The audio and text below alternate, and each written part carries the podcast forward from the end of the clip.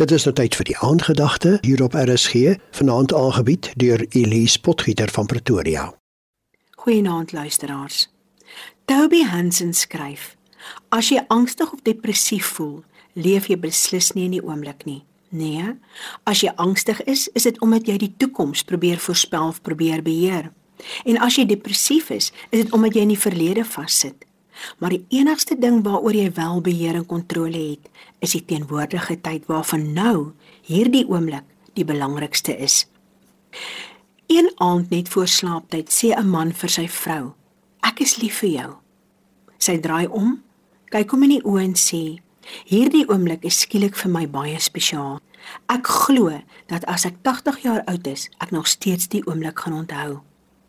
Die man begin dink aan al die groot oomblikke wat hulle tot dusver in hulle lewe gehad het. Al die besluite wat hulle geneem het wat gelei het tot hierdie spesiale oomblik. En dit is toe dat die man besef, dit maak nie saak wat hulle tot dusver gedoen het nie, ook nie wat hulle nog gaan doen nie. Die enigste ding wat op hierdie oomblik belangrik is, is die oomblik. Die oomblik waarin hulle nou is, waar hulle bymekaar is.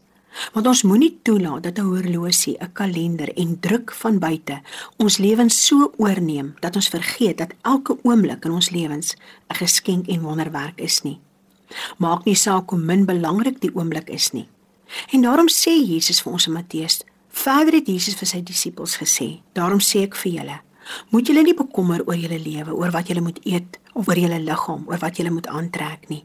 Die lewe is belangriker as kos en die liggaam as klere. Kyk na die kraaie. Hulle saai nie en hulle oes nie. Hulle het geen spens of skuur nie, maar God sorg vir hulle. Julle is tog baie meer werd as voëls. Trouwens, wie kan julle deur om te bekommer sy lewe met 1 uur verleng? Kyk hoe groei die lelies. Hulle soeg nie en hulle maak nie klere nie, maar ek sê vir julle, self Salomo in al sy pragt was nie geklee soos een van hulle nie. As God die gras van die veld tot vandag nog daar is en môre in 'n vuur gegooi word so mooi maak, hoeveel te meer sal hy vir julle sorg. Julle moet julle ook nie gedurig afvra wat julle gaan eet of wat julle gaan drink nie en moenie besorg wees oor môre nie. Dis alles dinge waaroor ongelowiges in die wêreld begaan is. Maar julle het 'n Vader wat weet dat julle dit nodig het. Beëiwer julle vir sy koninkryk, dan sal hy julle ook al hierdie ander dinge gee. En daarom bid ons vanaand Vader in die naam van Jesus Christus.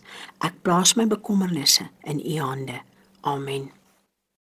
Dit was die aandgedagte hier op RSG, aangebied deur Elise Potgieter van Pretoria.